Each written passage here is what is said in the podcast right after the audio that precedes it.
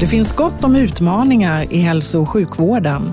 Idag pratar vi med Region Skånes hälso och sjukvårdsdirektör Pia Lundbom om hennes syn på vad som krävs för att vi ska möta alla framtidsutmaningar och inte minst, hur ökar vi tillgängligheten? Det här är Region Skånes chefspodd om hur vi leder tillsammans för framtiden.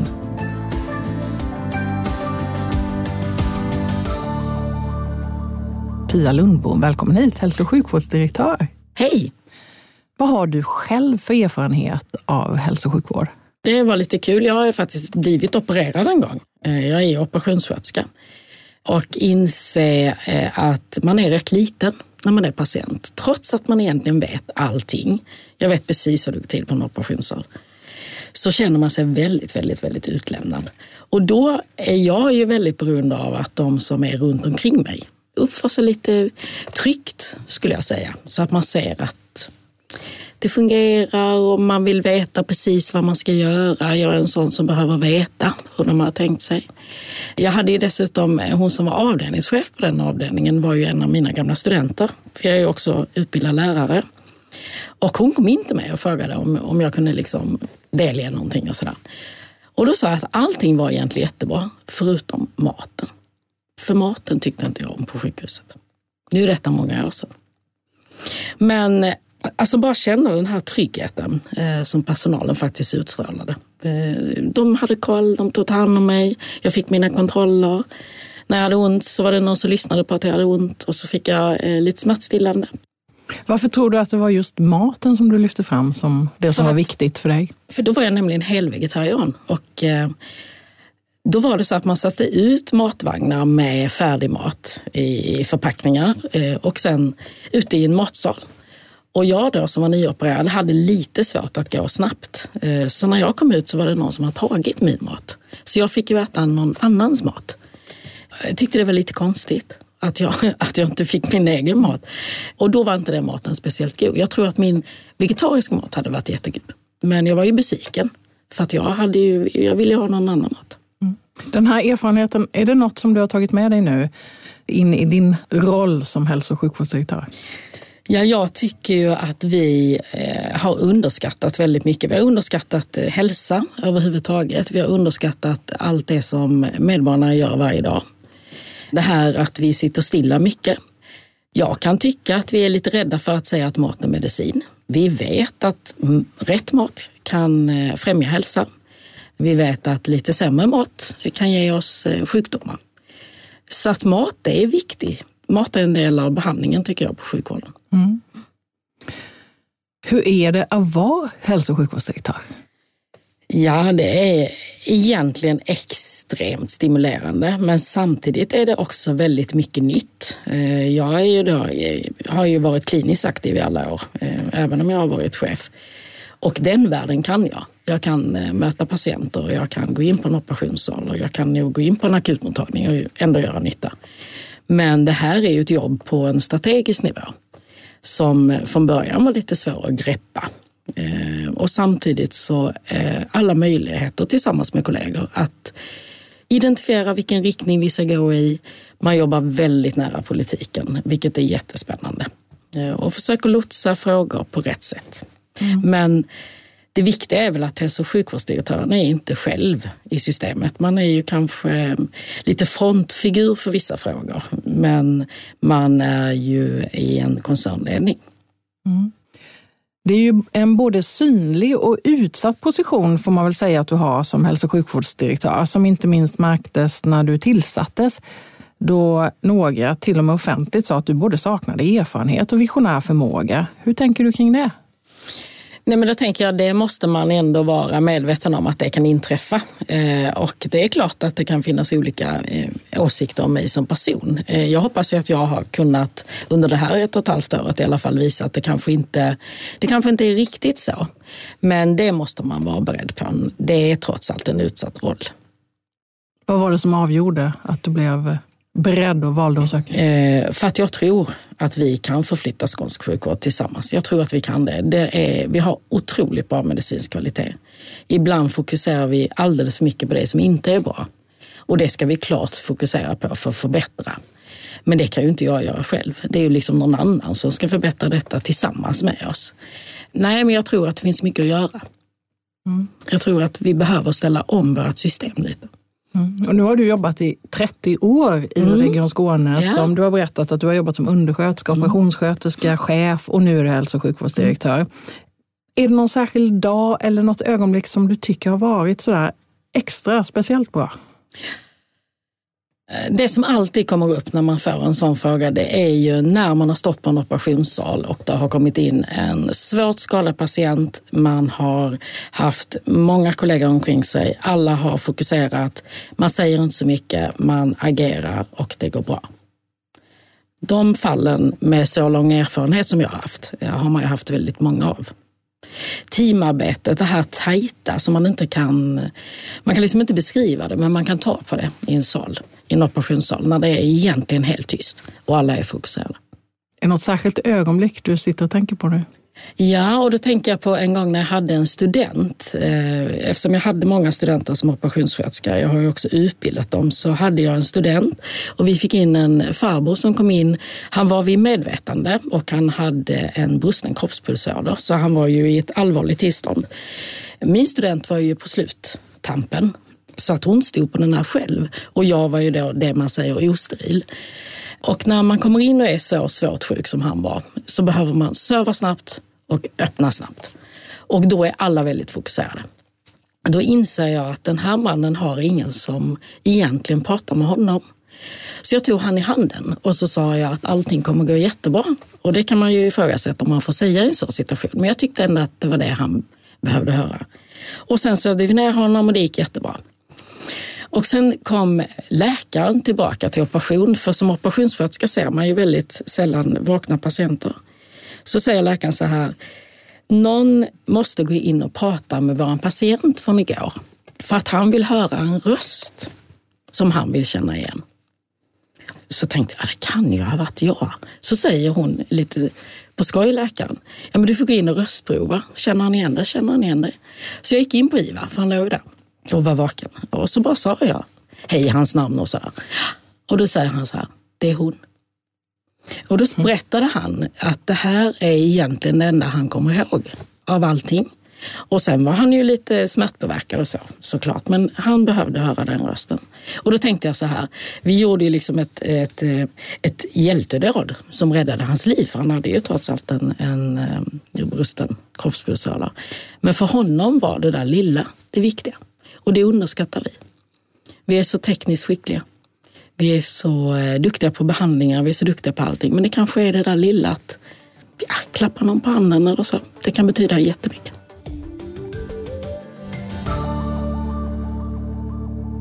Vad är det som driver dig att göra det du gör som hälso och sjukvårdsdirektör? Det är att eh, göra gott och göra skillnad och att lyfta eh, vårdens resultat på ett bra sätt. Att visa att vi har en väldigt, väldigt hög kvalitet.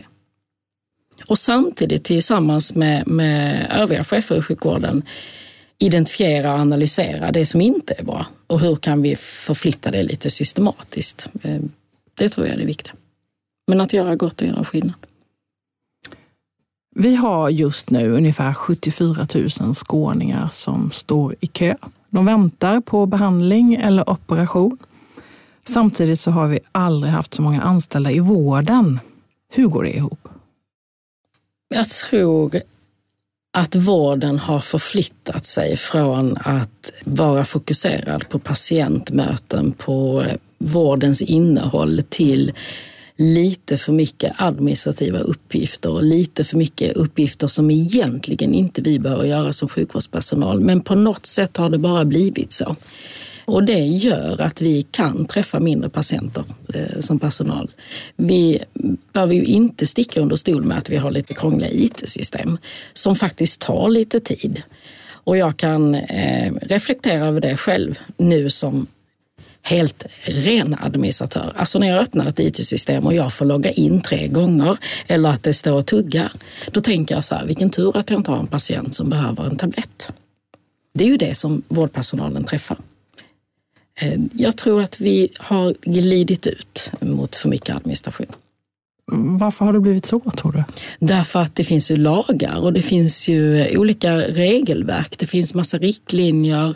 Vi ska dokumentera otroligt mycket eh, för att egentligen känna att vi bedriver en säker vård. Och ibland är vi lite sådär, vi går från höger till vänster. Eh, det kan bli för mycket av det goda. Och jag tror inte detta är någonting som personalen vill, men ibland hinner vi inte ens reflektera och tänka tillbaka. Jag utbildade mig och var färdig operationssköterska 1987. Har gått in regelbundet men var inne senast för två och ett halvt år sedan.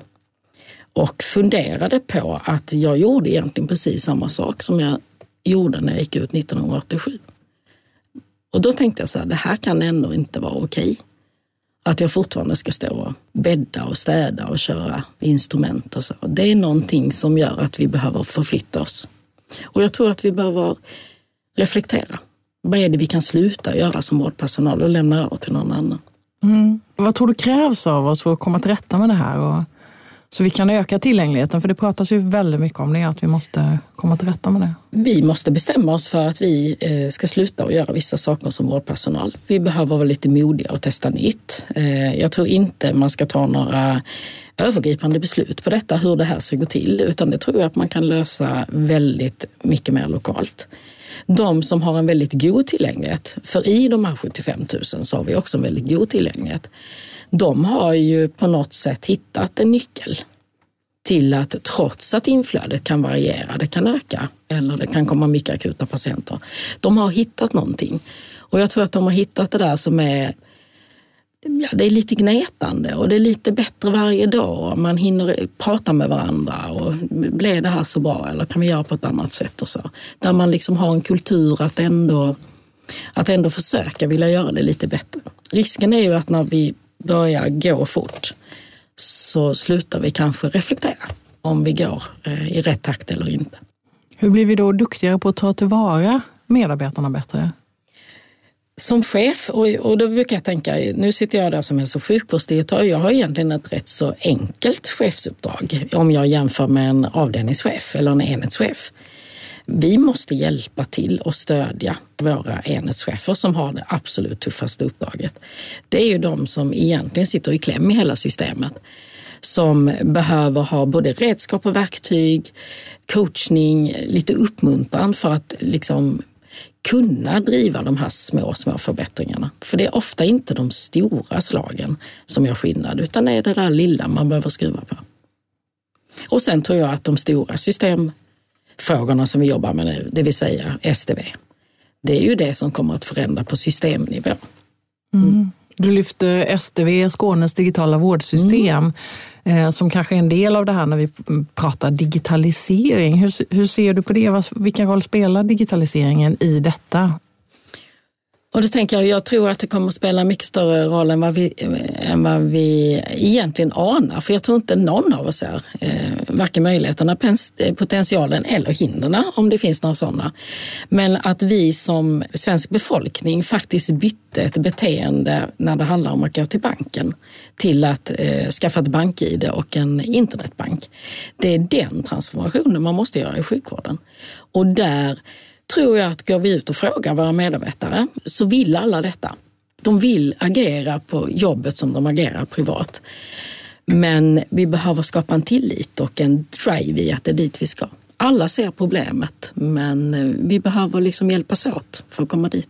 Mm, och nu har vi SDV-projektet igång. Mm. Eh, Skånes digitala vårdsystem sägs vara ett av Sveriges absolut största digitaliseringsprojekt i hälso sjuk, svensk hälso och sjukvård just nu. Mm.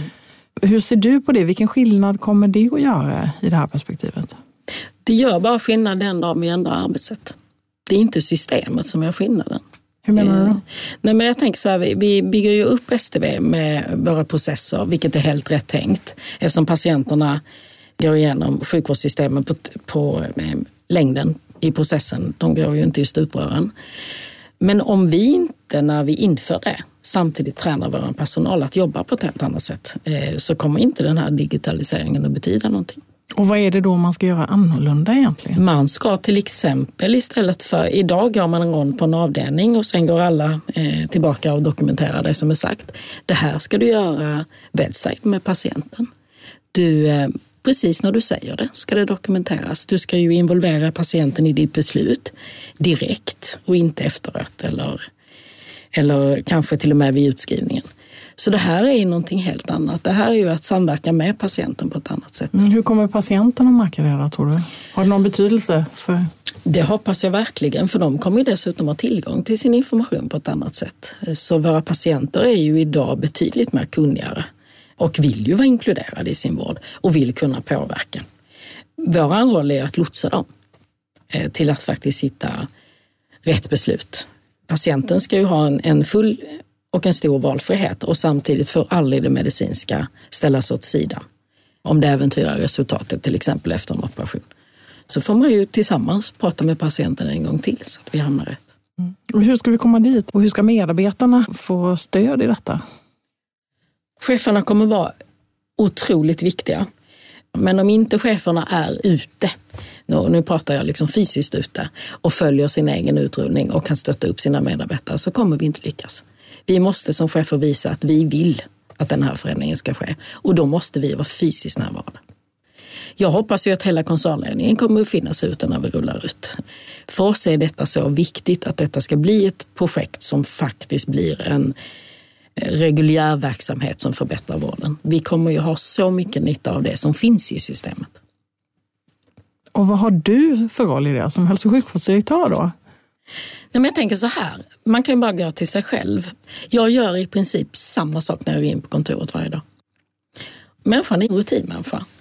Och då tänker jag, hur skulle jag kunna ändra det då? Ja, det hade ju kanske inte hjälpt om någon hade stått och sagt till mig att du får inte göra så här, utan tvärtom diskutera sig fram. Varför måste du göra på ett annat sätt? Och då är det ju för att det blir bättre för Skånes befolkning och våra patienter. Men det kommer att bli bättre för medarbetarna också. Mm. I det här så är ju riktningen, vi jobbar då, målet är bättre hälsa för mm. fler. Hur kommer digitaliseringen att bidra till det? Jag tror ju att med full digitalisering så kommer ju vi att kunna tillsammans med patienter identifiera eh, riskfaktorer. Vi kommer tidigare kunna gå in när vi ser att någon sviktar. Den möjligheten har vi idag men inte alls fullt ut. Alla i vissa generationer springer runt med sina klockor och man har sina träningsband och så. Det är ju en förutsättning att vi får in sånt i våra system. Att jag kan ta mitt blodprov hemma genom en stick i fingret om jag är en kronisk patient. Bara skicka in datorna och så finns det någon som ringer till mig när det är fel på datorna, fel på värdet. Inte som idag slentrianmässigt behöver vi kalla tillbaka patienten och så, utan jag tror att patienterna kommer, kommer känna sig tryggare för de kommer ha en bättre insyn i sitt eget hälsotillstånd men också i sitt eh, sjukdomstillstånd. Det känns ju som att många av eh, invånarna och patienterna som vill vara med eh, kommer att kunna involveras här. Men de som kanske inte har förutsättningar mm. eller som, som befinner sig i ett, vad ska man säga, ett hälsoutanförskap. Hur, hur ska vi hantera dem? Det handlar ju ändå om att nå det här med god och jämlik vård. Som vårdgivare kan vi aldrig tvinga in patienter i ett system. Det ska vi definitivt inte göra. Vi ska ju identifiera de som behöver ett helt annat stöd eller uppföljning eller så. Vi får inte tappa patienter, men vi kommer nog att ha patienter som kommer sköta väldigt mycket själv. Och jag tänker om vi tittar på att vi har väldigt många som har eh, sjukdomar som de har hela livet, kroniska sjukdomar. Många av de patienterna kommer själv att vilja ta ett större ansvar och tar redan idag ett jättestort ansvar. De kommer behöva troligtvis lite mindre del av sjukvården. Så sjukvården kommer ju kunna lägga fokus på de patienterna som verkligen behöver vårt stöd. Så fördelen, som jag ser det, det är ju att vi nog får lättare att få en jämlik vård med ett välfungerande digitalt system med aktiva patienter. Samtidigt ökar ju möjligheterna, mm. de medicinska mm. möjligheterna. Mm. Vi har ju en utveckling kring medicinsk teknik och medicinska behandlingar som delvis också är väldigt dyra och mm. kostsamma eftersom de är nya och vi kan helt enkelt hjälpa fler sjukdomar. Mm. Hur ser du på det och, och prioriteringarna i allt mm. detta? Där tror jag vi är redan idag, just det här med att vi behöver sätta på oss våra etiska kompasser på ett annat sätt. Vi behöver eh, diskutera väldigt mycket mer alla våra möjligheter. Vi behöver kanske prioritera betydligt annorlunda eh, framåt än vad vi gör idag. På vilket sätt då? Jag tänker, det gjordes ju ett försök, eller försök, det var väl ändå så att man gjorde en prioriteringsgrund i Östergötland som blev eh, diskutabel. Det var ju det första försöket att verkligen göra medicinsk prioritering. Jag tror att man ska eh, undvika att tänka sig att en prioritering är att man ska välja bort saker och ting. Utan man ska egentligen säga vad det är vi satsar riktigt på för den här patientgruppen. Det är jättesvårt att prioritera när man sitter framför en patient och säga det här kommer inte ge dig någonting. Eh, den här behandlingen kanske till och med bara ger dig ett lidande. Det är nog det svåraste mötet man kan ha. Och då tänker jag att det är det våra läkare i princip varje dag möter. Men det kommer vi behöva göra. Eh, inte bara för att det finns så mycket att erbjuda, men också för att våra resurser kommer inte räcka till för egentligen allting som kan uppfinnas. Så mm. prioriteringen kommer att bli jätteviktig. Vad är din roll i den prioriteringen? Det är mycket underlag till politiken och då har ju vi ett helt expertgruppssystem som hjälper till med detta. Vi gör ju analyser av befolkningsutveckling och sjukdomsutveckling men också det här med nya läkemedel och nya mediciner och nya behandlingar. Och det bygger vi ju just nu upp en, en nationell kunskapsstyrning eh, där vi kommer få en viss hjälp med prioriteringsarbetet. Där är ju bemannat med experter. De som är åtta bäst i Sverige på detta. De kommer ju ändå ge en riktlinje. Det som blir vårt arbete det är ju att tillsammans med politiken ha den diskussionen. Om man ska satsa på eh, alla delar eller om man ska säga vi börjar med de här delarna för att sen ta nästa steg.